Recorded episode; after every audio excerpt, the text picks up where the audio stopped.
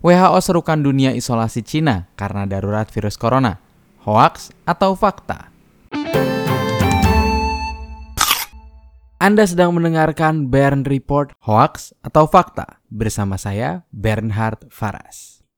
Situs eramuslim.com memuat sebuah artikel berjudul Darurat Corona, WHO serukan dunia isolasi Cina Artikel tersebut menjelaskan bahwa World Health Organization atau yang biasa disebut WHO menyerukan negara-negara di dunia untuk mengisolasi Cina dengan tidak membiarkan warganya melakukan perjalanan ke Cina. Era Muslim.com menuliskan bahwa pernyataan tersebut disampaikan oleh Direktur Jenderal WHO, Tedros Adhanom Ghebreyesus. Kabar tersebut adalah hoax.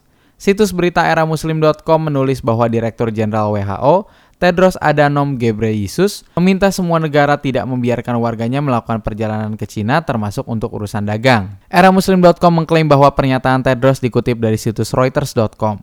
Namun situs Reuters tidak memuat pernyataan Tedros yang dimuat dalam situs eramuslim.com. Dalam berita Reuters berjudul WHO declares China virus outbreak an international emergency, Tedros mengatakan let me be clear.